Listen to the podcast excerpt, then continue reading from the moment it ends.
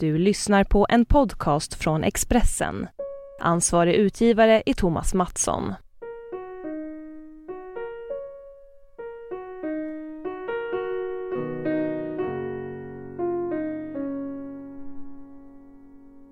Den 17 april 1936 kom en 49-årig kvinna till familjeroten vid Stockholms rådhusrätt för att lämna in en ansökan om snabb skilsmässa.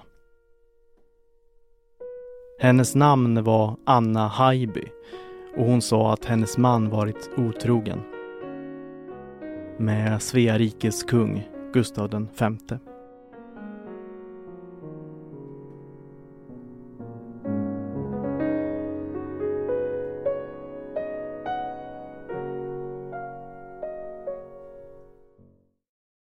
Så började Åren därpå pressades hovet att betala enorma summor för att Anna och hennes man Kurt Haijby skulle tiga. Alla utbetalningar godkändes av kungen, som attesterade med Gustav Rex. De bokfördes under rubriken ”Till nådigt känt ändamål” och snabbt försvann handlingarna ur hovets arkiv. Det får inte bli någon skandal Ordna det här så billigt som möjligt, var kungens order. Billigt blev det inte. Totalt fick eh, paret Haijby 250 000 kronor i hemliga kuvert, motsvarande närmare 8 miljoner i dagens penningvärde. Utpressningsaffären pågick i mer än tio år och blev en pinsam mardröm för Gustav V och slutade efter hans död med en praktfull skandal. Den 4 maj 1936 var en måndag. Då skulle domstolen behandla Annas skilsmässoansökan. Allt skulle bli offentligt. Kungen skulle kallas som vittne. Rådmannen Gunnar Junker larmade i förväg hovförvaltningen. På söndagskvällen den 3 maj kallade riksmarskalken Oskar von Sydow till ett diskret och panikartat krismöte i sin bostad. Hela hovets tunga gäng var där. Hovmarskalken Reinhold Rudbeck, chefen för hovförvaltningen Oskar Svensson, hovauditören Carl Ljungholm och några advokater. Anna Haijby var också kallad. De höga herrarna gav henne ett förslag. Hon erbjöds 15 000 kronor, kontant och skattefritt i handen. En då svindlande summa. Det motsvarar över 470 000 kronor idag. För att få pengarna måste hon skriva om skilsmässopappren från äktenskapsskillnad till hemskillnad. Skillnaden var att om hon sökte hemskillnad skulle kungen inte nämnas och inte behöva vittna. Anna sa ja. Men eh, hovet såg hennes man som en ännu större säkerhetsrisk. Han måste bort. Haijby fick eh, 1500 kronor och gick med på att emigrera till USA. Han skulle få dubbla summan i handen då han anlände till New York. Därmed trodde hovet att hotet mot kungens heder och ära var över. Det skulle komma mer. Mycket mer.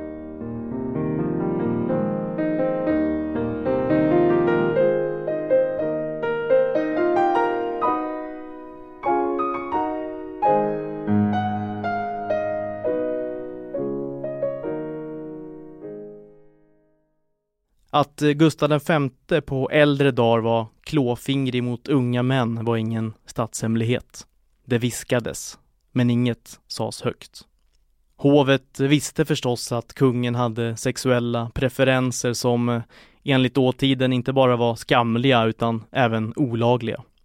Homosexualitet var straffbart ända fram till 1944 och uppfattades som en patologisk abnormitet ett tecken på psykopati. Kungen själv kunde aldrig åka fast, men för alla blonda tennispojkar och för andra romanser som han hade diskreta möten med kunde det bli upp till två års straffarbete. För Gustav Vs del stod ryktet och folkets kärlek på spel. Avslöjades kungens hemlighet blev det chock i folkhemmet. total tystnad, total mörkläggning gällde. Kungliga hovet och Per Albin Hanssons och senare Tage Erlanders socialdemokratiska regeringar hjälptes åt att tysta pinsamheter. Kungens kurva, köpcentrat vid E4 söder om Stockholm som växte upp kring Ikeas första stora varuhus, har kunglig historia. Namnet kommer från en bilolycka den 28 september 1946. Gustav V var på väg hem från en jakt på Tullgarn och det sades att chauffören tappade kontrollen över sin Cadillac med registreringsnummer A4 och körde i diket när kungen tafsade på honom. Särskilt diskret var inte kungen. Författaren Staffan Skott skriver i boken Alla dessa Bernadottar hade Gustav inte fötts som äldste son till Oscar II hade han varit komplett okänd, utom möjligen av sedlighetsroten. Gustavs pappa var en stor förförare. Han uppvaktade unga vackra kvinnor på teatern och operan. Inte heller kvinnor i hovet eller fruar till Oscars vänner gick säkra.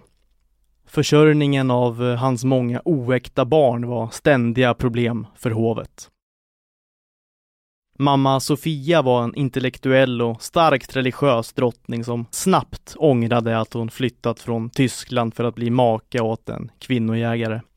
Hon visade sig med Oscar II bara då protokollet krävde det. Drottningen höll sig borta från Stockholm så mycket hon kunde.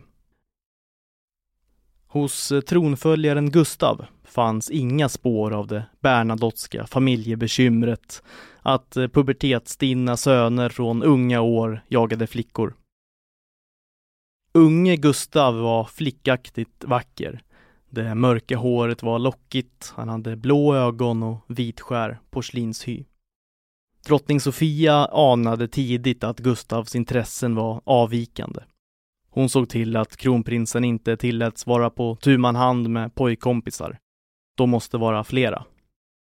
Victoria av Baden var den första flicka Gustav intresserade sig för. Då pappakungen skickade honom på fria resa var han 23 år och frieriet var på kunglig order. Med Victoria fick Gustav tre barn, men äktenskapet var en katastrof. Drottningens otrohetsaffärer var inget han hetsade upp sig över.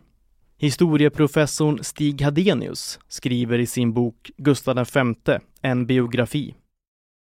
Efter att Victoria börjat leva med livläkaren Axel Munthe på Capri intresserade sig kungen aldrig mer för kvinnor. Var Kurt Haijby en förslagen skojare eller ett offer för att Gustav V måste skyddas från en praktskandal?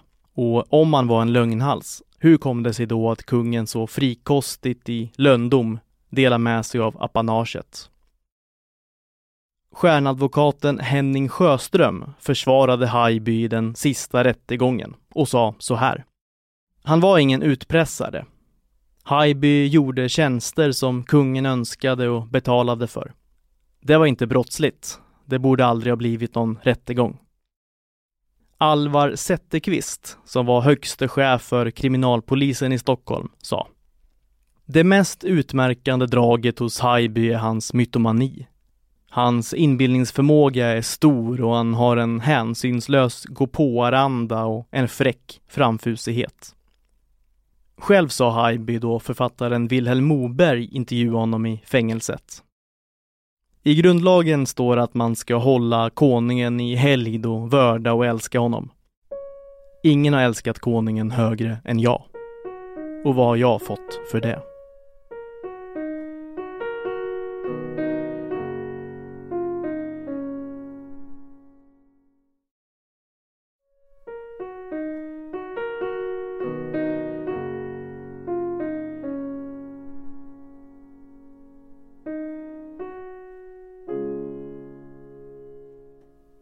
Haijby föddes som Kurt Alfred Johansson på Söder i Stockholm försommaren 1897. Efternamnet Haijby tog han i vuxen ålder. Han eh, presenterar sig ofta med andra namn också. Hamilton eller Rensköld, något som luktade adel och gamla pengar. Haijbys föräldrar drev en vilt och skadedjurshandel i Gamla stan och sonen skickades ofta med leveranser till slottet. Han var med i scouterna och en eh, vårkväll 1912 kom Kurt Haijby och två kamrater till slottet för att sälja majblommor.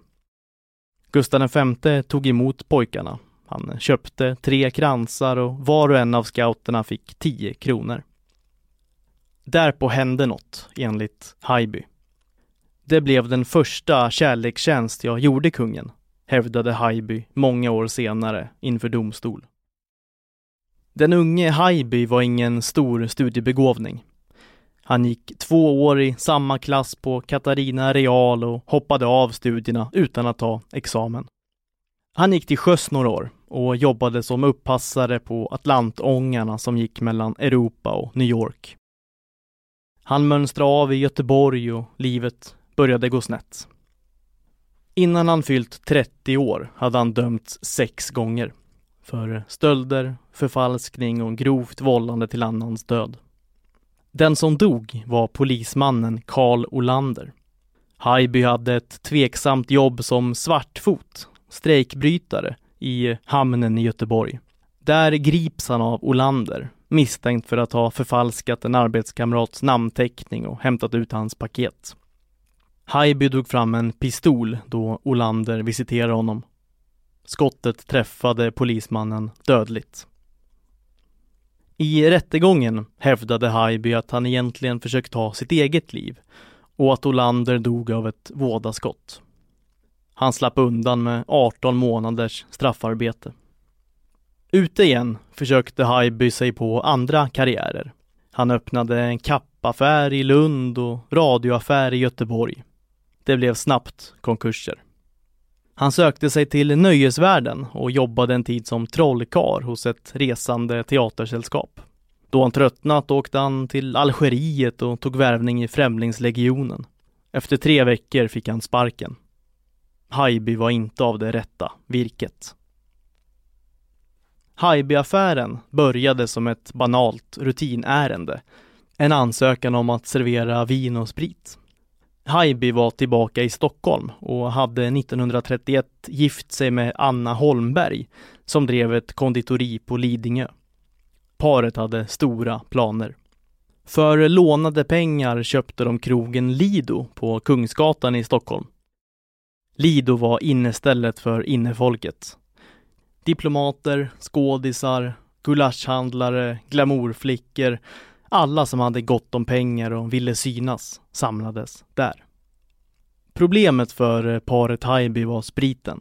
De måste få tillstånd att servera, annars skulle gästerna välja andra restauranger. Utskänkningsrättigheter fick bara rättskaffens medborgare som aldrig varit i klammeri med rättvisan. Det hade Kurt Haijby och därför avslogs ansökan. Den nu 39-årige Haijby bestämde sig för att gå till kungs. Den 28 november 1936 klädde han sig i en hyrd frack och fick audiens hos den då 74-årige monarken. Senare berättade Haijby om mötet i nyckelromanen Patrik Kajson går igen. Hela bokupplagan köptes upp av hovet samma dag som den utkom och gömdes i kriminalpolisens källare. Den höge herrn lyssnade på mig med vänligt intresse under det att han rökte sina förnäma cigaretter. Han lovade med ett fint leende att ta mina bekymmer i åtanke. Då jag reste mig för att gå frågade kungen om vi inte träffats tidigare. Jag sa att jag sålt majblommor till honom då jag var scout många år tidigare. Jag såg på kungen att han också mindes den gången. Kungen grep in. Han beordrade Stockholms polismästare att riva Lidos alkoholförbud. Haijby skrev i sin bok vad som hände därefter. Några dagar senare kom en betjänt från hovet och sa att kungen ville träffa mig samma dag. Mötet skulle ske klockan nio på kvällen. Betjänten mötte mig vid en bakdörr och visade vägen genom korridorerna. Det rum jag hamnade i gjorde mig häpen och nästan förfärad. Det var kungens sovrum. Han hade gått till sängs. Kungen sa att jag var välkommen. Att jag skulle stänga dörren och komma till honom. Kurt Haijby levde dandy-liv i 1930-talets Stockholm. Han trippade på höga klackar. Byxan var vass som en rakkniv. Revykungen Karl Gerhard var hans kompis. Han kallade sig direktör och var med i gänget av homosexuella. Kungen tog med honom till sin konstnärsbroder Eugen på Valdemarsudde. Och eh, Haijby och kungen snarade gäddor från eka vid Tullgarns slott medan Karl Gerhard och skådespelaren Gösta Ekman den äldre satt vid stranden och tittade på. Haijby bodde med Anna på Floragatan på Östermalm, en av Stockholms dyraste adresser. I samma portuppgång bodde skriftställaren Kardemumma och hans fru kåsören Viola. Våningen var högsta lyx. Eleganta möbler, toppmodernt kök. På väggarna hängde tavlor som var kopior av italienska barockmästare. Motiven på de flesta var de samma. Nakna unga män och gossar. Han köpte också ett hus i Södra Ängby i Bromma i Stockholm, där ett elegant villaområde i funkig stil höll på att byggas. Haijby körde omkring i en Cadillac av eh, samma årsmodell som hovet köpte in åt den bilintresserade kungen. Han hade målat ett stort H med lagerkrans runt på framdörrarna. Hur Haijby hade råd med lyxlivet kunde ingen begripa. Inkomsterna från Lido var inte särskilt stora. Förklaringen kom långt senare, då justitiedepartementet släppte tidigare hemligstämplade uppgifter om hovets utbetalningar. 1934 gick Lido i konkurs. Två år senare ställde Annas Café, Gyllene Draken, in betalningarna. Det var i det desperata läget som Anna begärde skilsmässa med hotet att kungens kärleksäventyr skulle avslöjas. Paret Haijby behöver pengar. Mycket pengar. Kurt Haijby höll sin del av överenskommelsen.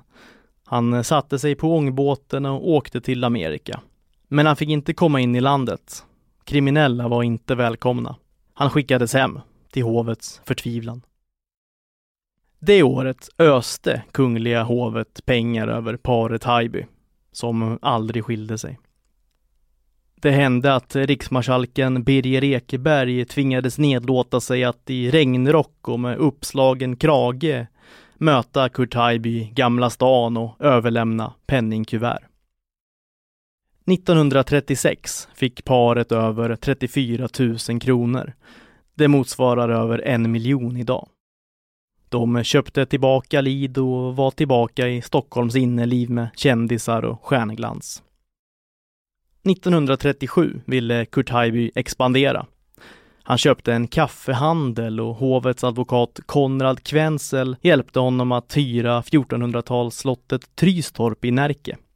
Haijby ville göra om det till pensionat. Han renoverade och möblerade de 24 rummen. Hovet betalade 1,2 miljoner i dagens penningvärde. Det blev fiasko av alltihop. Slottet blev inte godkänt för att ta gäster. Det saknades nödutgångar och det var brandfarligt. Haijby hade dragit på sig nya skulder. Men han hade en inkomstkälla som aldrig sa nej.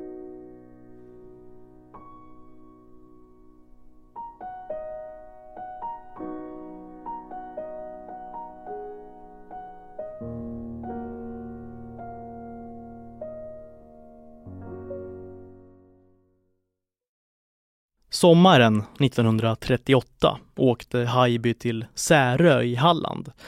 Han tog in på hotell och fick polisens ögon på sig.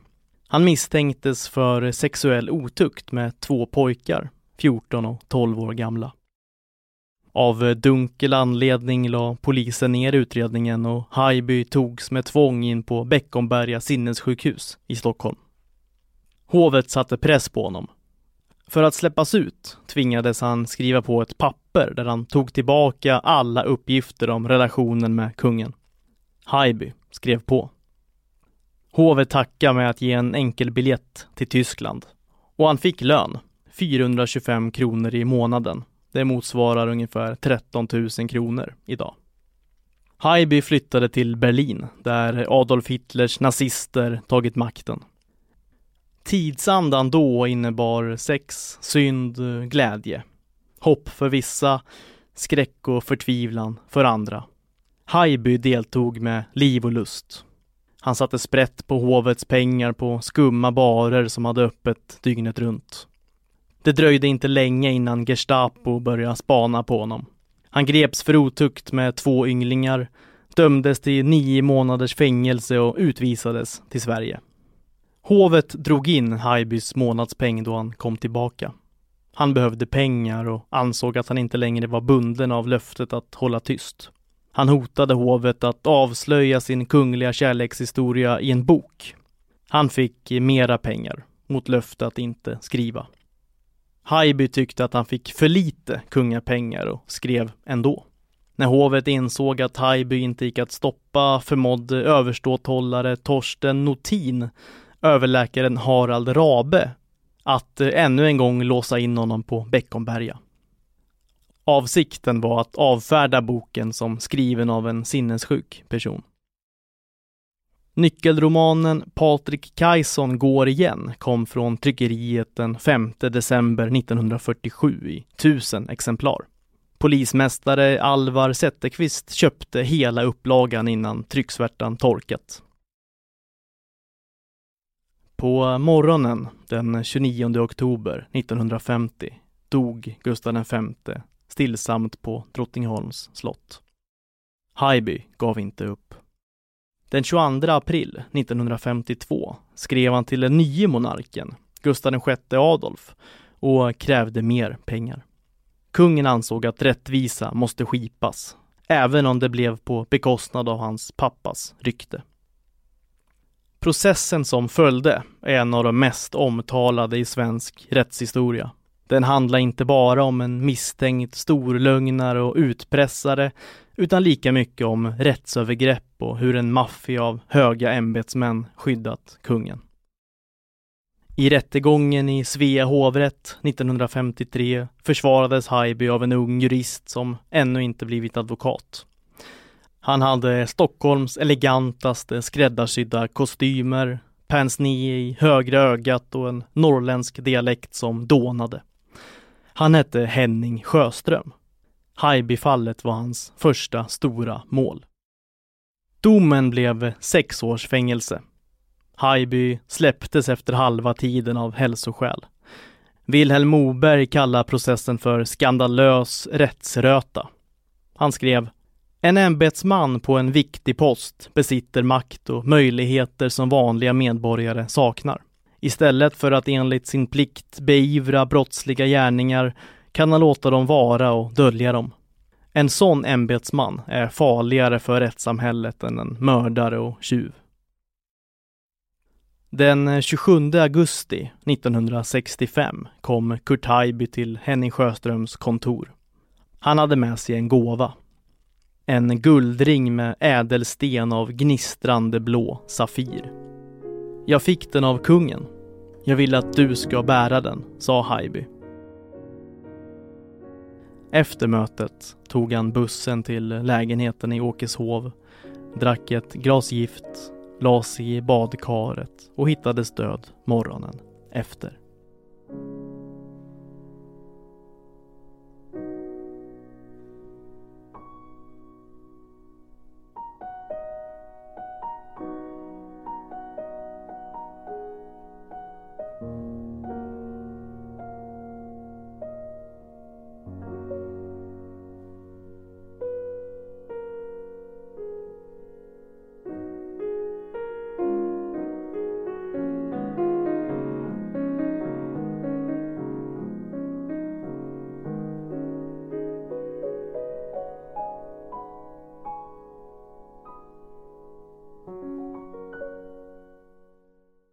Du har lyssnat på en podcast från Expressen.